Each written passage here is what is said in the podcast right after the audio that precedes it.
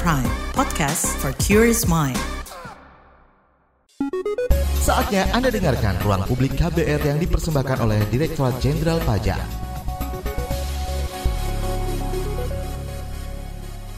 Halo, selamat pagi. Senang sekali berjumpa kembali dengan saya Deborah Tanya dalam ruang publik KBR yang pagi hari ini dipersembahkan oleh Direktorat Jenderal Pajak Kementerian Keuangan Republik Indonesia.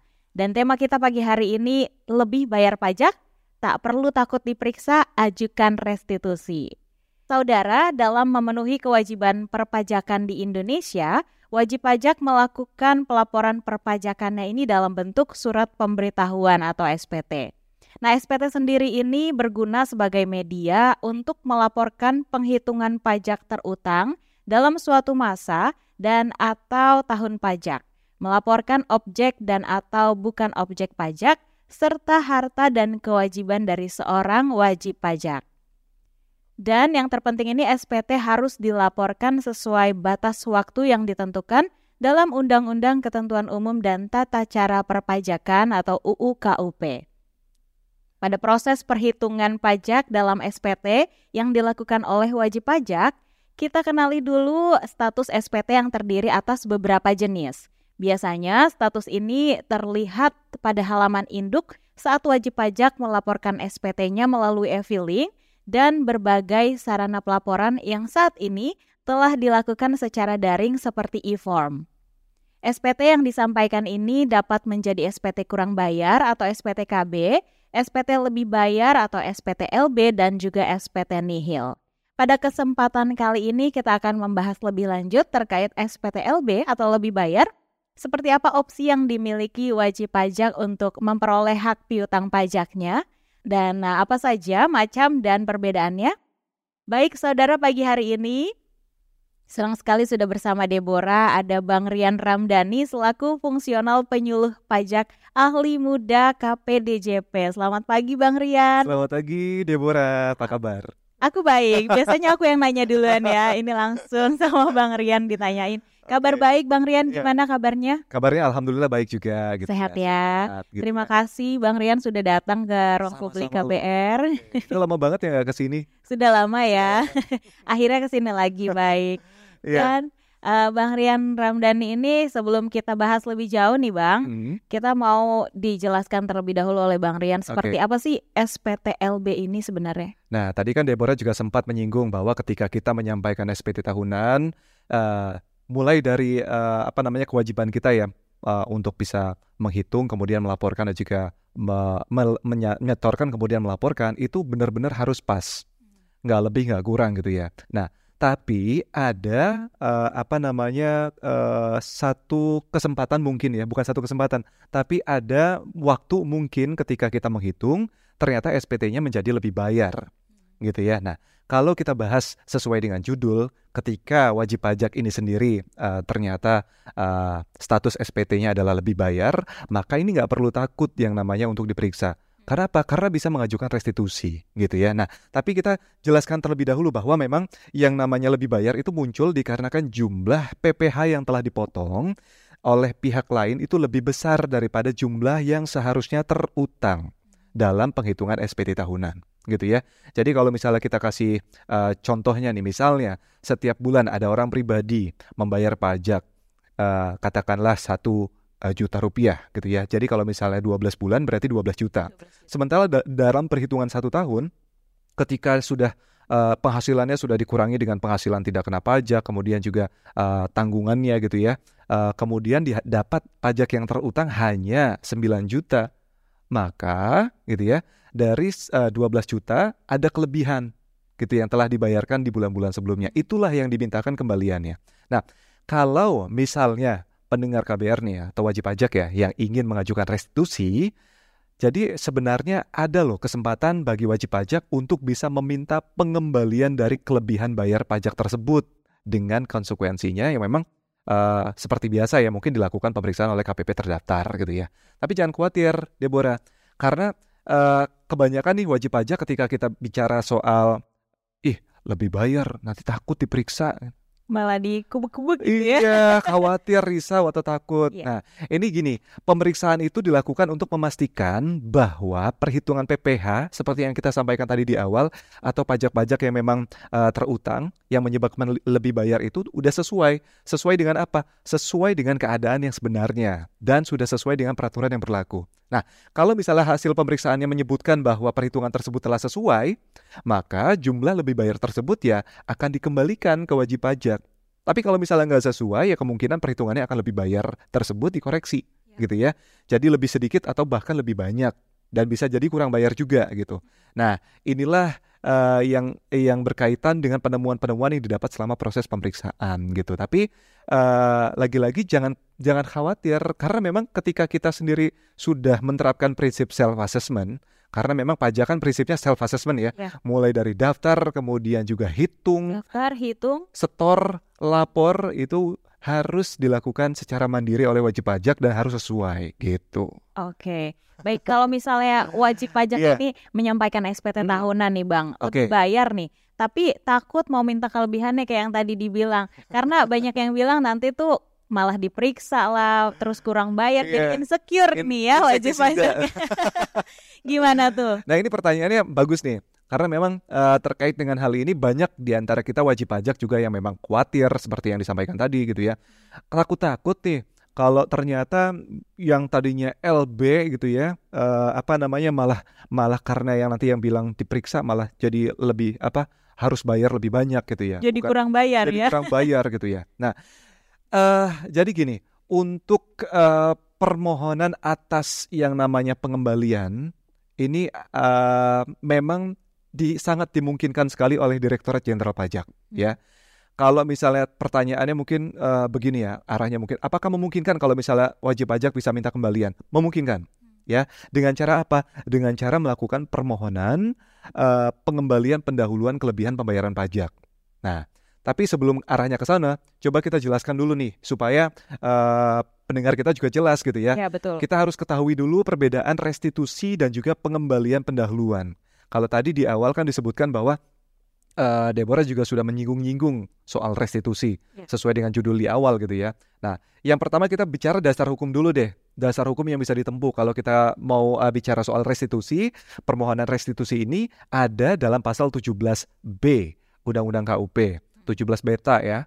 Jadi kalau untuk permohonan pengembalian pendahuluan, kelebihan pembayaran pajak ini diatur di pasal 17C dan juga pasal 17 delta. Ada juga di pasal eh, 94C Undang-Undang PPN. Nah, kalau misalnya tadi ya eh, syarat-syarat subjeknya sudah terpenuhi dan kri- atau kriteria wajib pajak ini sudah sudah eh, apa namanya terpenuhi, maka eh, ini wajib pajaknya bisa memanfaatkan prosedur tersebut gitu ya. Kalau eh, restitusi diajukan oleh wajib pajak yang status SPT-nya lebih bayar dan memilih rek- eh, mekanisme restitusi. Tapi ada juga untuk wajib pajak yang nggak mau pilih restitusi tapi pengen pengembalian pendahuluan dikembaliin dulu deh Oke. uangnya gitu ya.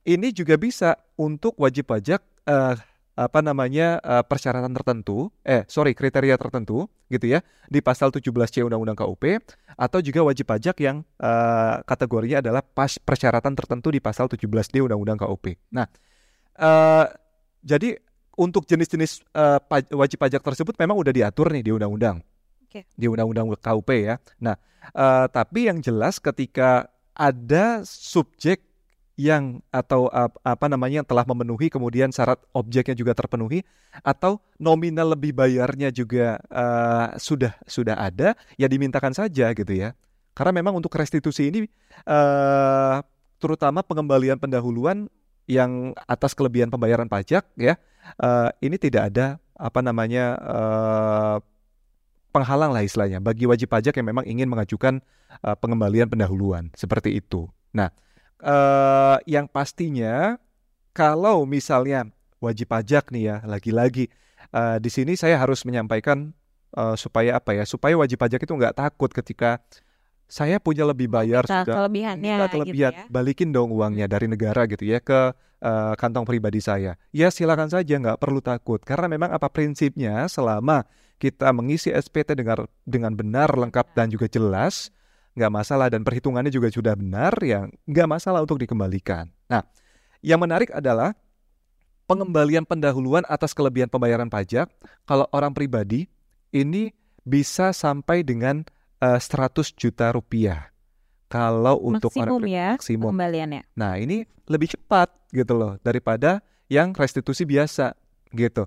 Nah, kalau untuk badan itu paling besar adalah satu miliar dan untuk PPN paling besar adalah 5 miliar. Seperti itu.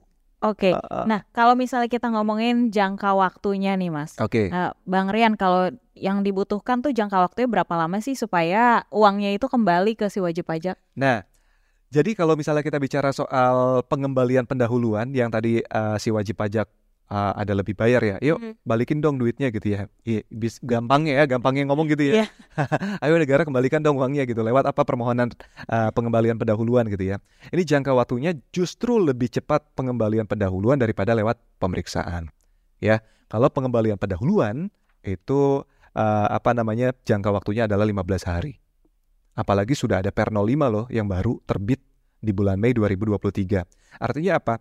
Sebenarnya uh, permohonan pengembalian pendahuluan atas kelebihan pembayaran pajak ini memang sudah ada diakomodir oleh Direktorat Jenderal Pajak dari hmm. dulu gitu ya, gitu. Uh, hanya saja memang mungkin kalau misalnya wajib pajak gitu ya masih takut-takut ketika mau minta kembalian takutnya itu tadi yang tadi kita ngobrol di awal ya iya. takut nanti diperiksa malah, malah kurang bayar panjang gitu ya padahal selama memenuhi pro, uh, kriteria gitu ya selama memenuhi apa namanya syarat-syarat yang memang uh, ditentukan ya kenapa enggak langsung dikembalikan betul nah 15 hari ini terhitung dari si pelapor oke permohonan diterima secara lengkap Oke, harus komplit dulu harus ya. Harus komplit gitu ya. Pun kalau misalnya nanti tidak komplit gitu ya, nanti akan ada uh, permintaan kelengkapan dari kantor pajak terdaftar. Gitu. Jadi ya jangan khawatir gitu loh. Uh, jangan jangan sampai uh, ada stigma bahwa ah nanti mengajukan permohonan juga ribet gitu ya ribet lah inilah itulah gitu padahal sekali lagi semua uh, layanan nih hampir seluruhnya gitu ya layanan DJP itu sudah online loh gitu sudah bisa tinggal klik di mana aja kapan aja sambil ngopi sambil ngobrol mm-hmm. nongkrong sama kawan-kawan juga bisa semuanya. Berarti untuk pelaporan jika si wajib pajak ini mengalami lebih bayar iya. itu bisa melaporkan secara online juga. Oke, nah itu dia. Jadi silakan saja nanti uh, hubungi kantor pelayanan pajak terdaftar yang ada di uh, wilayah masing-masing gitu loh. Nah, uh, yang perlu kami sampaikan sih intinya adalah ya sudah uh, kalau misalnya memang perhitungannya memang sudah benar gitu ya terkait dengan lebih bayar ajukan saja pengembalian pendahuluan karena kalau dengan sampai dengan 100 juta gitu ya itu prosesnya lebih cepat. Oke. Okay. Untuk orang pribadi ya. Nah, tadi kan kita sudah mem membahas tentang yang lebih bayar. Oke. Okay. Kita mau tahu sedikit nih tentang ah. wajib pajak yang kurang bayar, Bang Rian. Kurang bayar. Mekanisme ya. pembayarannya seperti apa untuk nah, mereka? Jadi uh, tadi di awal kita sempat bicara mengenai SPT lebih bayar, eh, status SPT sorry ya. Yeah. Status SPT itu kan ketika kita menghitung ada yang lebih bayar, lebih kemudian bayar. juga ada yang kurang bayar, bayar, bahkan ada yang nihil, nihil, gitu ya. Biasanya kalau nihil ini ditemukan ke uh, wajib pajak wajib pajak yang memang bekerja pada satu pemberi kerja atau yang sudah dipotong uh, apa namanya gajinya gitu ya. Jadi sudah diurusin oleh kantor, jadi laporannya nihil gitu ya. Nah, tapi kalau misalnya ketemu dengan perhitungan yang namanya kurang bayar uh, kurang bayar artinya eh, pajak-pajak uh, yang telah dibayarkan oleh wajib pajak dalam jangka waktu satu tahun setelah diperhitungkan kembali dalam SPT tahunan ternyata lebih besar pajak terutangnya daripada pajak yang telah dibayar hmm. maka selisihnya itulah yang menjadi kurang bayar dan harus dibayarkan.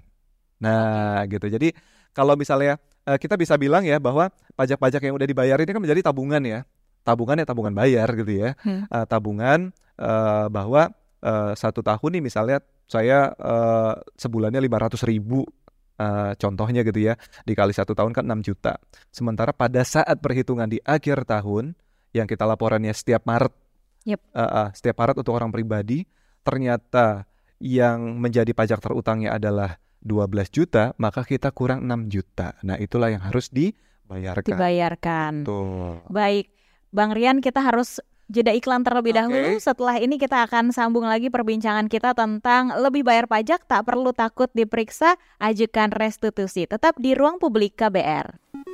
Masih Anda dengarkan ruang publik KBR yang dipersembahkan oleh Direktorat Jenderal Pajak.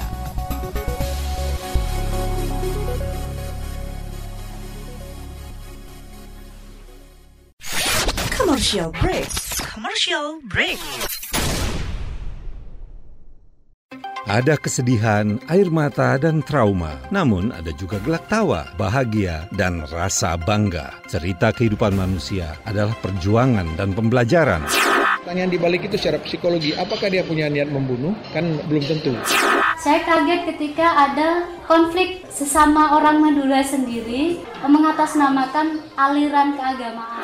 Sejak itu, warga Syiah harus mengungsi sampai sekarang. Untuk kehidupan saya pada waktu itu aja nggak menentu kan. Boro-boro mikirin untuk perpustakaan gitu.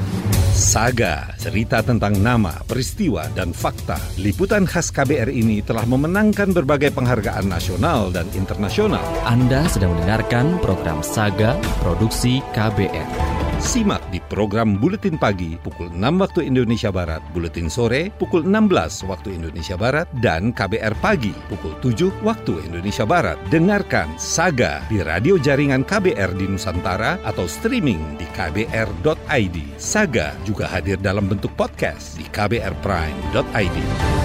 KBR Inspiratif Terpercaya. Masih Anda dengarkan Ruang Publik KBR yang dipersembahkan oleh Direktorat Jenderal Pajak.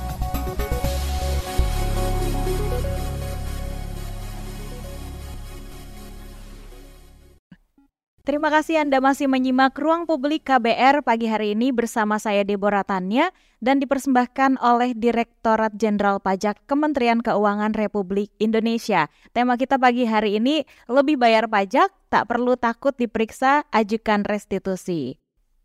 Masih bersama Deborah, pagi ini Bang Rian Ramdhani selaku fungsional penyuluh pajak ahli muda KPDJP.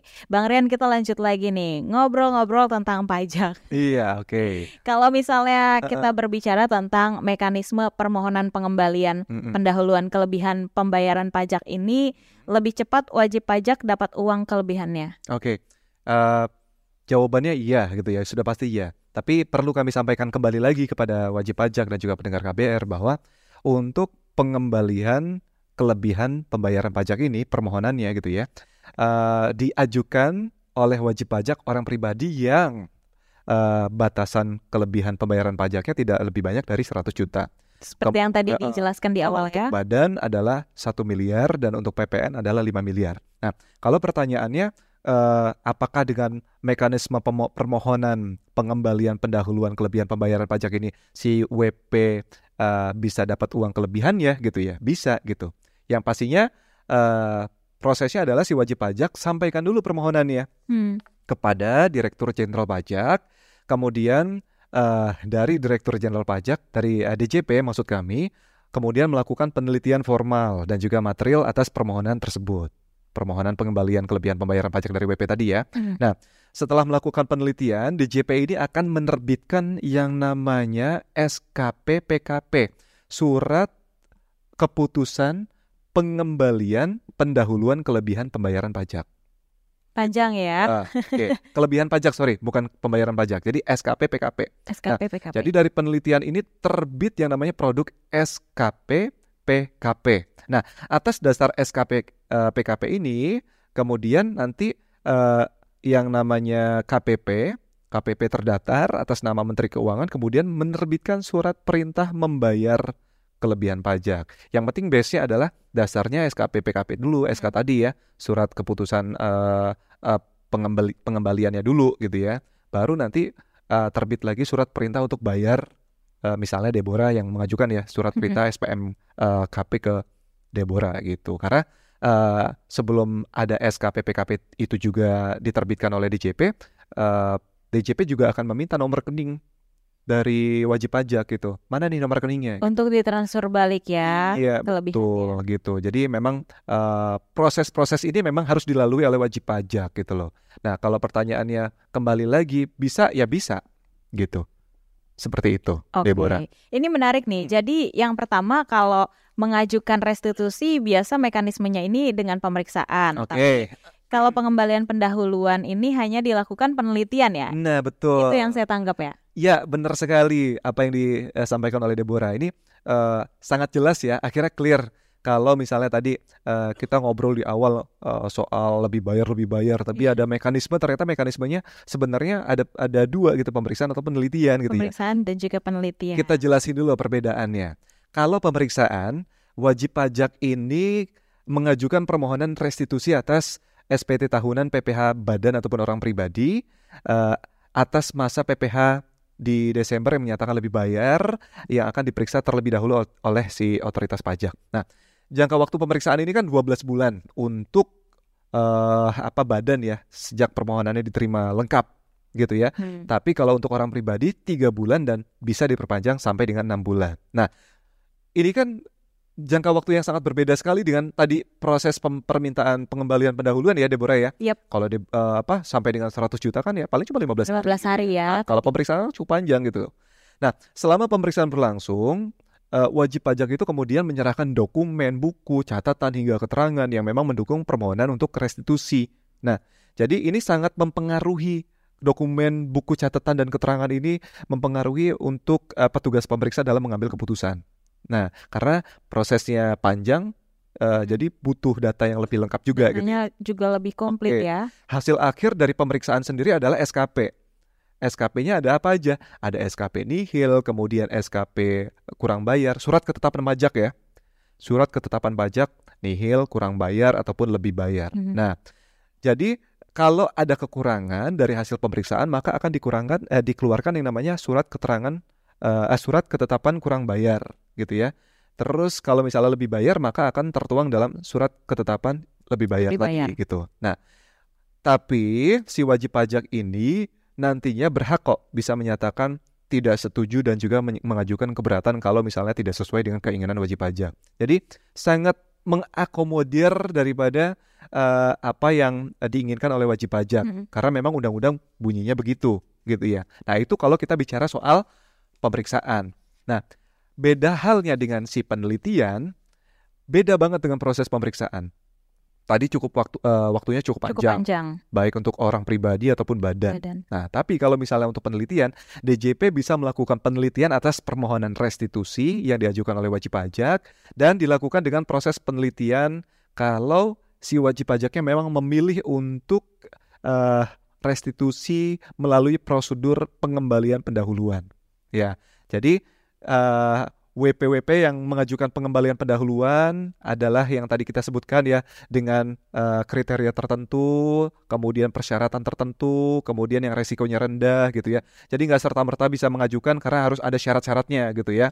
Ya uh, seperti yang kita sampaikan tadi. Nah kalau udah masuk kategorinya baru bisa apa namanya restitusi itu ya bisa diminta gitu ya untuk uh, orang pribadi ataupun badan gitu ya itu bisa diminta setelah akhir tahun buku atau setelah SPT tahunan disampaikan. Hmm. Itu kalau kita ngomongin SPT tahunan gitu ya. Nah, kemudian yang seperti kami sampaikan juga nih wajib pajak dan juga pendengar KBR untuk wajib pajak yang memang telah ditetapkan sebagai wajib pajak kriteria tertentu ataupun PKP yang resikonya rendah ini dapat mengajukan restitusi tanpa batasan nilai gitu. Dan uh, untuk wajib pajak persyaratan tertentu terdapat batasan nilai restitusi yang bisa diajukan. Lagi-lagi kita harus sampaikan untuk orang pribadi adalah sebesar 100, 100 juta, juta rupiah, rupiah paling besar ya. ya. Uh, betul. Jadi kalau misalnya 100 juta ya boleh langsung ajukan gitu ya. Kemudian 99 juta gitu ya. 0,99 juga silakan, silakan aja. Silakan.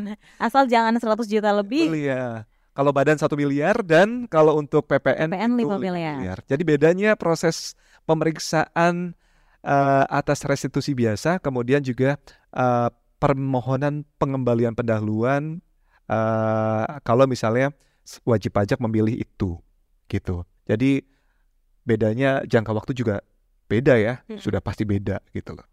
Nah, hmm. kalau kita berbicara tentang mekanisme permohonan pengembalian pendahuluan kelebihan pembayaran pajak ini lebih cepat wajib pajak dapat uang kelebihannya tadi kan ya? ya lebih cepat. Lebih cepat. Waktunya ini uh, eh, 15 hari tadi ya yang pertama. Hari. Kalau pemeriksaan ini 12 bulan untuk badan Hmm. dan juga bisa 3 sampai 6 bulan untuk orang pribadi. Tiga bulan dan dapat diperpanjang enam bulan untuk orang pribadi gitu. Oke, itu case-nya kalau dia diperpanjang karena apa biasanya, Mas? Nah, ada ada eh, yang eh, tadi itu ya, kalau misalnya si pemeriksa di kantor pajak ini sendiri kan eh, banyak hal yang menjadi keputusan atau ataupun pertimbangan gitu ya, sehingga data kurang lengkap atau seperti eh, dokumen keterangan dan lain-lainnya itu yang masih dibutuhkan masih belum lengkap, nah itu masih bisa diperpanjang. Kondisi-kondisi eh, tertentu yang memang mengharuskan ternyata pemeriksaannya diperpanjang deh gitu untuk yang orang pribadi yang eh, harusnya tiga bulan malah diperpanjang jadi enam bulan gitu. Itu untuk pemeriksaan. Beda ya dengan yang tadi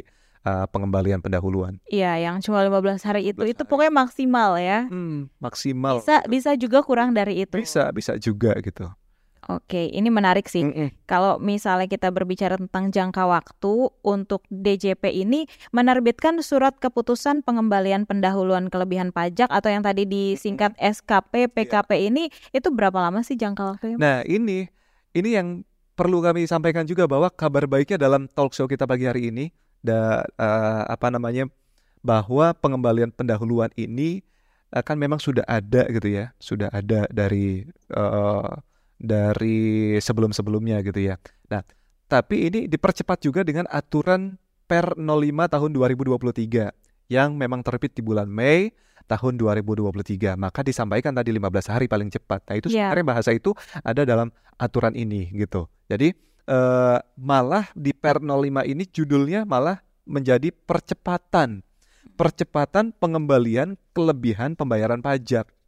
Jadi jangka waktunya 15 hari dan eh, Per Dirjen ini juga bertujuan untuk bisa memberikan kepastian hukum, kemudian juga keadilan bagi wajib pajak, kemudahan, penyederhanaan, dan juga percepatan layanan pengembalian atas kelebihan pembayaran pajak bagi wajib pajak orang pribadi. Orang pribadi. Khusus orang pribadi di Per 05 2023 ini yang menyampaikan surat SPT at- eh, SPT tahunan eh, lebih bayar dengan jumlah eh, lebih bayar tertentu. Nah, jadi eh, pengembalian pendahuluan rumahnya sudah ada gitu ya. eh, diakomodir oleh DJP, kemudian dengan adanya Per 05 yang sudah diundangkan di bulan Mei kemarin malah dipercepat lagi dan khusus untuk orang pribadi. Oke, berbahagialah ya. Karena wajib pajak ini pasti kan sangat berharap kelebihan pembayarannya bisa dikembalikan as soon as possible ya. Gitu. Makanya jangan takut ketika ada lebih bayar. eh, ajukan restitusi, nggak perlu takut yang namanya diperiksa. Karena nanti sampai dengan 100 juta orang pribadi itu bisa yang namanya minta pengembalian pendahuluan gitu Nah, ya. oke. Ditekankan lagi bahwa per 05 2023 ini subjek yang diatur hanya untuk wajib pajak orang pribadi Iya, tadi ya. Bang ya. Peraturan ini untuk orang pribadi. Betul sekali. Nah, baik. Eh kan kita percep- kita ngobrolin tentang percepatan pengembalian kelebihan pembayaran pajak Oke. pada SPT tahunannya aja. Iya. Ini yang perlu diingat oleh kita semua khususnya wajib pajak per 05 tahun 2023 ini memang mengatur percepatan dan juga eh, pengembalian pendahuluan tetapi tetap harus diperhatikan subjek pajak dan objek pengaturannya seperti itu ya Mas. Betul. Iya. Nah, eh, kalau misalnya ilustrasinya seperti apa nih Mas? Tapi sebelum itu Mm-mm. kita mau jeda iklan. Nanti kita akan bahas di segmen berikutnya. Tetap bersama kami eh, pendengar di Ruang Publik KBR. Masih Anda dengarkan Ruang Publik KBR yang dipersembahkan oleh Direktorat Jenderal Pajak.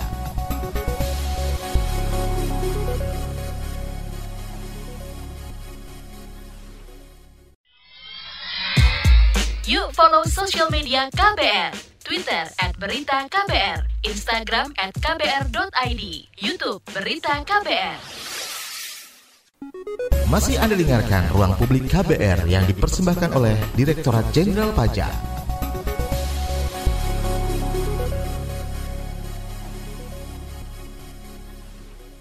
Kembali lagi dalam Ruang Publik KBR pagi hari ini dipersembahkan oleh Direktorat Jenderal Pajak Kementerian Keuangan Republik Indonesia bersama saya Deborah Tanya dan kita membahas tema pagi hari ini lebih bayar pajak tak perlu takut diperiksa ajukan restitusi. Dan masih bersama dengan Bang Rian Ramdhani selaku fungsional penyuluh pajak ahli muda KPDJP. Nah tadi sebelum break Bang Rian Iya. kita mau membahas tentang ilustrasinya uh, tentang si Per 05 tahun 2023 ini ya, tentang Oke. pengembalian kelebihan pembayaran pajak. Iya. Jadi eh, kita masih bicara soal Per 05 tahun 2023 di mana kalau ada wajib pajak meminta kelebihan atas eh, pembayaran pajaknya, maka di Per 05 ini lebih eh, ditekankan untuk dipercepat gitu ya, khusus orang pribadi. Nah, misalnya ada wajib pajak orang pribadi yang telah menyampaikan SPT tahunan dengan status lebih bayar. Tadi Deborah sempat tanya, taunya status lebih bayar gimana sih? Ya itu tadi, kita kan eh, sebagai orang pribadi, kita punya kewajiban untuk menyampaikan SPT tahunan. Ya. Biasanya di bulan Maret tuh, terakhir ya, kita ngisi SPT tahunan dengan benar, lengkap, dan juga jelas gitu ya. Dan akhirnya kita eh, dapat diperhitungan dalam eh, form SPT tahunan tersebut. Sehingga di ujung bawah eh, induk SPT tahunan tersebut eh, ada status lebih bayar atau kurang bayar. Nah, kalau lebih bayar artinya pembayaran-pembayaran pajak yang telah kita lakukan dari Januari sampai dengan Desember itu lebih besar ketimbang perhitungan pajak penghasilan yang terutang siang seharusnya Mhm. gitu loh. Jadi misalnya ada eh, orang pribadi statusnya lebih bayar sampai dengan 100 juta rupiah. Maka ini akan otomatis Deborah ditindaklanjuti dengan proses pengembalian pendahuluan kelebihan pembayaran pajak oleh DJP. Gitu. Nah, kita kalau bicara aturan di Per 05 tahun 2023 ini disampaikan pengembalian pendahuluan itu dilakukan kepada wajib pajak orang pribadi yang menyampaikan SPT tahunan lebih bayar dan mengajukan pengembalian pendahuluan eh, pengembalian kelebihan pembayaran pajak dengan mekanisme pasal 17 beta dan juga pasal 17 delta Undang-Undang KUP. Nah, eh, sebelum diundangkan Per 05 ini, proses pengembalian pendahuluan itu hanya dilakukan oleh wajib pajak yang menyampaikan SPT tahunan statusnya lebih bayar sampai dengan 100 juta dan memilih harus menconteng nih di induknya eh, minta pilih pengembalian dengan proses 17D gitu ya. Nah, kalau misalnya wajib pajak ternyata eh, memilih 17B entah karena lupa atau mungkin karena nggak tahu gitu ya, maka proses pengembalian dilakukan itu melalui proses pemeriksaan Oke. dulu sebelum Per 05 gitu ya. Karena kan kita nggak tahu nih kadang-kadang wajib pajak ketika menyampaikan SPT tahunan eh, salah nyonteng kadang kan gitu ya. Harusnya 17D yang biar di- eh, biar pengembalian pendahuluan malah jadi diperiksa Mm-mm. gitu. Maka eh, dengan adanya Per 05 ini hal inilah yang menjadi salah satu pertimbangan eh, pertimbangan maksud kami diundangkannya Per 05 2023 tujuannya adalah penyederhanaan administrasi perpajakan. Jadi kalau misalnya Deborah ada eh, status lebih bayar misalnya 50 juta, maka otomatis akan langsung eh, dengan mekanisme pengembalian pendahuluan 15 Iya, hari aja. yang 15 hari itu Hmm. ya. Nah, ini penting banget buat saudara, khususnya kita wajib pajak ya. Karena talk show kita hari ini membahasnya tentang lebih ke Per 05 tahun 2023 ini. Betul. Dan ini ya sangat penting apabila kita melapor pajak tapi kita nggak tahu nih, eh Iya. ternyata ujung-ujungnya kita lebih bayar atau kurang bayar ya. Jadi benar harus kita ketahui dulu status SPT-nya. Ada tiga ya, nihil, lebih bayar, kurang bayar. Yap. Tadi. Eh, ditegaskan lagi kalau wajib pajak orang pribadi SPT tahunan lebih bayar dengan nominal paling banyak 100 juta rupiah, maka otomatis ini akan diproses dengan pengembalian pendahuluan ya. Oke. Para pendengar, kecuali wajib pajaknya memang menghendaki diproses dengan pemeriksaan seperti Iya. itu ya. Nah, ini nggak menutup kemungkinan juga bagi wajib pajak yang ternyata kan eh, seperti yang Deborah sampaikan, kalau misalnya ada eh, lebih bayar paling banyak 100 juta, otomatis diproses dengan pengembalian pendahuluan lebih cepat. Tapi ada juga wajib pajak yang, eh saya nggak mau deh pakai penelitian, saya maunya diperiksa aja nggak apa-apa. Periksa yang tiga bulan nih, Oke. biar clear semuanya gitu ya. Dia pengen diperiksa, kemudian eh, ya sudah gitu ya.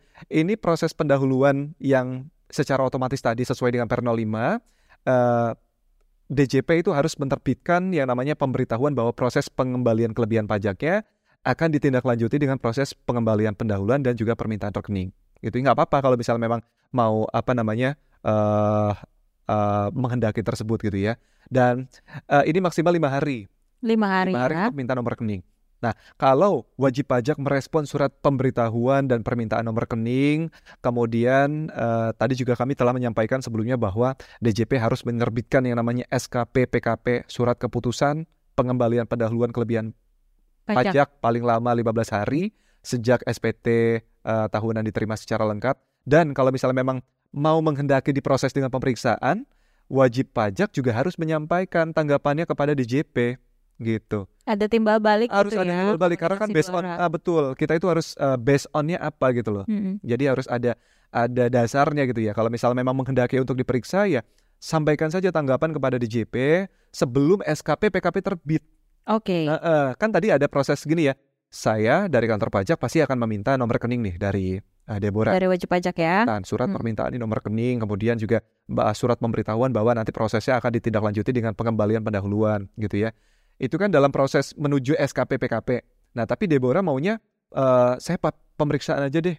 Nah, di saat masa itulah Deborah menyampaikan tanggapan bahwa saya nggak mau deh pakai pengembalian pendahuluan, saya maunya diperiksa aja. Diperiksa. Nah, ajukanlah eh, apa namanya eh, permohonan tersebut, tanggapan tersebut ya kepada DJP. Yep. Kalau eh, surat tang apa namanya tanggapannya ternyata disampaikan setelah terbit SKP PKP ataupun pada pada saat sudah terbitnya SPMKP, maka proses pemeriksaan bisa kok tetap dilaksanakan dengan memperhitungkan SKP PKP yang telah diterbitkan gitu. Jadi eh, kelebihan pembayaran pajaknya mungkin sudah ditetapkan eh 10 juta gitu misalnya, 100 juta deh gitu ya.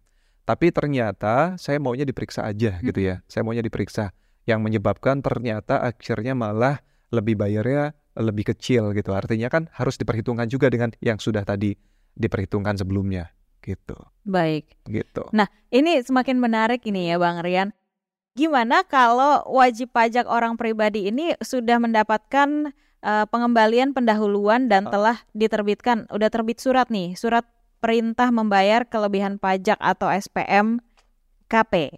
Nah, Oke. tetapi setelah ditindaklanjuti dengan pemeriksaan, hasilnya dia malah kurang bayar nih. Oke, gampangnya Gimana? Ada sanksinya nggak? Oke, ini ini mungkin gampangnya gambarannya gini ya, eh, Deborah. Dia udah dikasih bayar lebihnya Mm-mm. sama negara udah dikasih bayar lebihnya sama DJP udah dikembali nih lebihnya gitu ya. Eh tapi ternyata prosesnya ditindaklanjuti dengan pemeriksaan yang tadi eh, WP menginginkan, malah hasilnya kurang bayar, ada nggak sanksinya?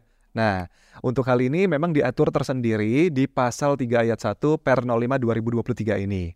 Kalau sudah diterbitkan SPMKP, sudah terbit surat perintah membayar kelebihan pajak atas si pengembalian pendahuluan, tapi ternyata dalam pemeriksaan terdapat kurang bayar, maka atas kurang bayarnya itu akan eh, dikenakan sanksi administrasi yang seharusnya dikenakan sebesar 100% kurang bayar dari kurang bayar, tapi dengan adanya per 05 ini sanksi administrasinya adalah berupa bunga berdasarkan pasal 13 ayat 2 Undang-Undang KUP. Nah, bedanya kalau dulu sama sekarang, dulu kan 100%, per- 100% sanksinya. Iya. Tapi kalau sekarang ini bunganya per bulan. Bunga per bulan itu menurut suku bunga acuan dari Bank Indonesia yang tiap bulan eh, persentasenya beda-beda gitu. Oke, jadi sanksinya itu berupa bunga Ah. tadi ya. Sanksinya lebih tipis sih sebenarnya daripada yang 100% tadi itu.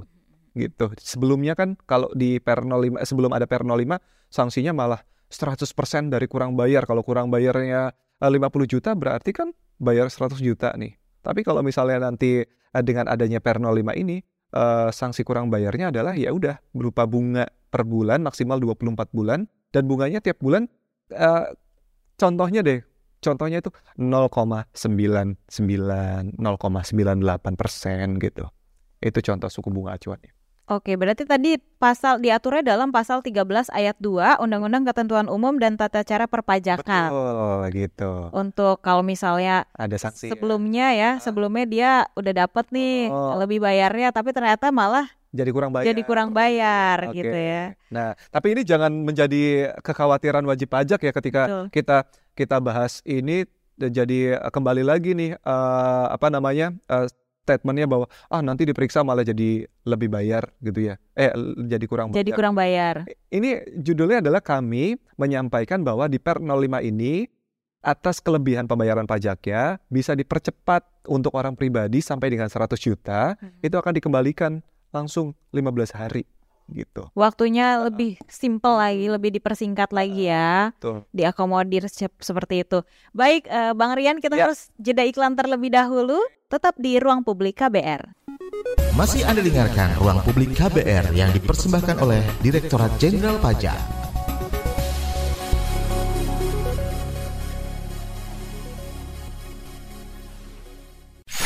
Commercial break.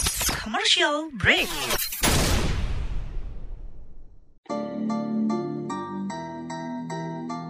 Come on yo.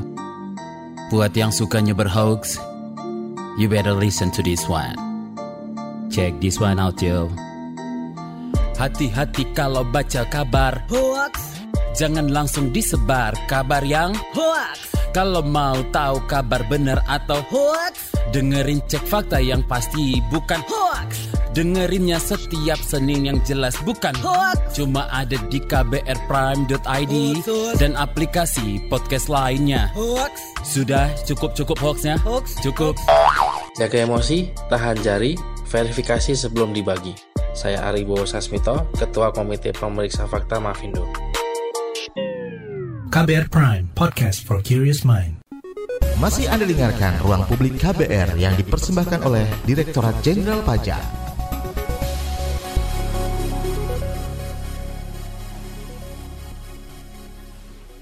Ya, tidak terasa kita sudah sampai di segmen terakhir Ruang Publik KBR yang dipersembahkan oleh Direktorat Jenderal Pajak Kementerian Keuangan Republik Indonesia. Dan tema perbincangan kita pagi hari ini lebih bayar pajak, tak perlu takut diperiksa ajukan restitusi. Masih bersama saya Deborah Tanya dan juga Bang Rian Ramdhani selaku fungsional penyuluh pajak ahli muda KPDJP. Kalau misalnya kita berbicara tentang restitusi dan pajak segala macam ini ya Bang Iya. Rian ya.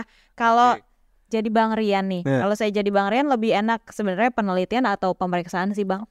Kalau saya ditanya dengan pertanyaan seperti ini, saya eh, kondisikan dulu kalau saya sebagai wajib pajak ya, bukan sebagai eh, otoritas pajak. Kalau saya sebagai wajib pajak, pelaku usaha, saya lebih pilih penelitian. Jadi Penelitian. penelitian. Kenapa? Saya dengan penelitian saya bisa balik lagi uang atas kelebihan pembayaran pajaknya. Dari uang tersebut saya juga bisa eh, kemudian gunakan kembali untuk eh, apa namanya perputaran usaha yang saya miliki dong tentunya gitu ya. Dan prosesnya juga lebih cepat daripada pemeriksaan.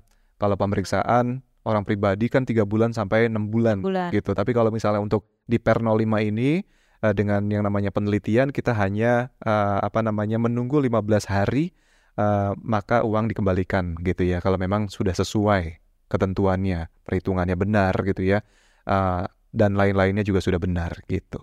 Apakah ada dokumen khusus ini tadi Deborah belum tanyain ya? Oke. Selain eh, kalau misalnya kita mau lebih cepat prosesnya 15 hari itu dokumen-dokumennya seperti apa aja sih yang harus dilengkapi? Bang? Tentunya SPT tahunan gitu ya. Kemudian SPT tahunan itu disampaikan gitu loh. SPT tahunan sudah disampaikan. Kemudian juga eh, apa namanya eh, bu- eh, bukti setor dan juga bukti bayarnya gitu ya. Nah itu silakan ajukan langsung, ajukan langsung ke kantor pelayanan pajak terdaftar gitu ya. Jadi eh, dengan proses yang sudah diterima secara lengkap ini maka nanti akan dilakukan oleh eh, eh, dilakukan penelitian oleh kantor pajak dan selanjutnya sebelum yang namanya eh, SKP PKP terbit itu akan dimintakan nomor rekening gitu. Nomor rekeningnya juga harus dimintakan eh, mana nih nomor telepon eh, nomor telepon, nomor, rekening yang akan digunakan nanti pada saat eh, DJP menerbitkan SPMKP gitu. Nah, kalau seandainya ada wajib pajak orang pribadi nih, Mhm. dia udah terlanjur diperiksa pengajuan kelebihan pembayaran pajaknya, Oke. tapi belum tuntas. Iya. Ini apa prosesnya dilanjutkan dengan pemeriksaan atau bisa otomatis berubah ke penelitian? Nah, ini harus dikasih ilustrasi juga bahwa Per 05 ini kan eh, terbitnya di bulan Mei, ya. Kemudian eh, ini juga yang menjadi pertanyaan yang paling banyak atas aturan di Per 05 tahun 2023 ini. Kalau di pasal 4-nya eh, itu diatur proses untuk pengajuan pengembalian kelebihan pembayaran pajak bagi WPOP maksimal LB-nya adalah 100 juta yang terlanjur ditindaklanjuti dengan proses pemeriksaan bagaimana. Nah, kalau sampai dengan tanggal 31 Mei kemarin itu belum terbit yang namanya SPHP atau surat eh, pemberitahuan hasil pemeriksaan atas pemeriksaannya ya, maka proses pengembaliannya akan dilanjutkan dengan pengembalian pendahuluan. Maka nanti akan digeser dengan pengembalian pendahuluan, nggak tiga bulan lagi gitu ya.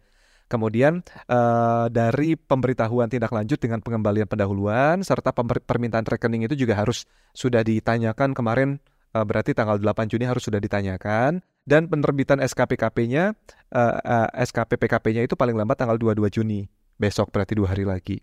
Nah itu eh, akan dilanjutkan dengan proses uh, pengembalian pendahuluan yang akan lebih cepat gitu. Tapi kalau untuk pemeriksaan yang ternyata ditolak ya uh, untuk permohonan pengembalian pendahuluannya ataupun post audit atau juga yang sudah lewat jatuh tempo atau yang ternyata pemeriksaannya ditingkatkan ke pemeriksaan bukti permulaan gitu ya atau ada tindak lanjut keputusan pembatalan SKP atau juga ada tindak lanjut atas putusan gugatan itu nggak bisa ditindaklanjuti dengan yang namanya uh, pengembalian pendahuluan yang bisa lebih cepat dikembalikan itu enggak itu harus tetap dijalankan. Dijalankan. Oh, oh, gitu Nah, sih. Lalu sebenarnya untuk berlakunya Per 05 tahun 2023 ini mulai kapan sih Bang? Ini berlaku sejak ditetapkan tanggal 9 Mei 2023.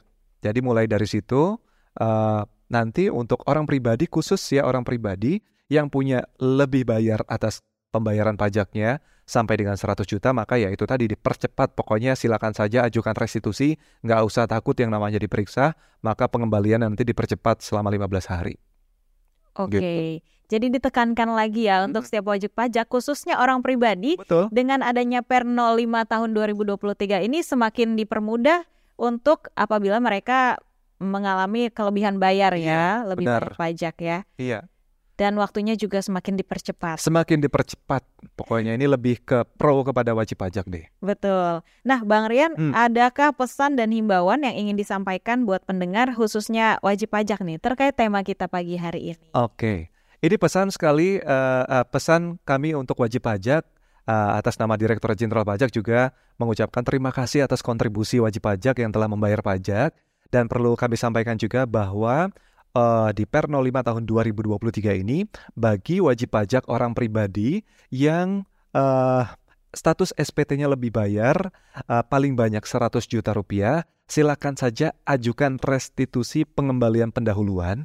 Jadi jangan khawatir, jangan takut untuk diperiksa gitu ya, karena memang kalau kita memilih untuk eh, meminta pengembalian pendahuluan maka prosesnya hanya dengan eh, penelitian kurang lebih 15 hari eh, jangka waktunya dan ini akan dikembalikan lagi ke wajib pajak.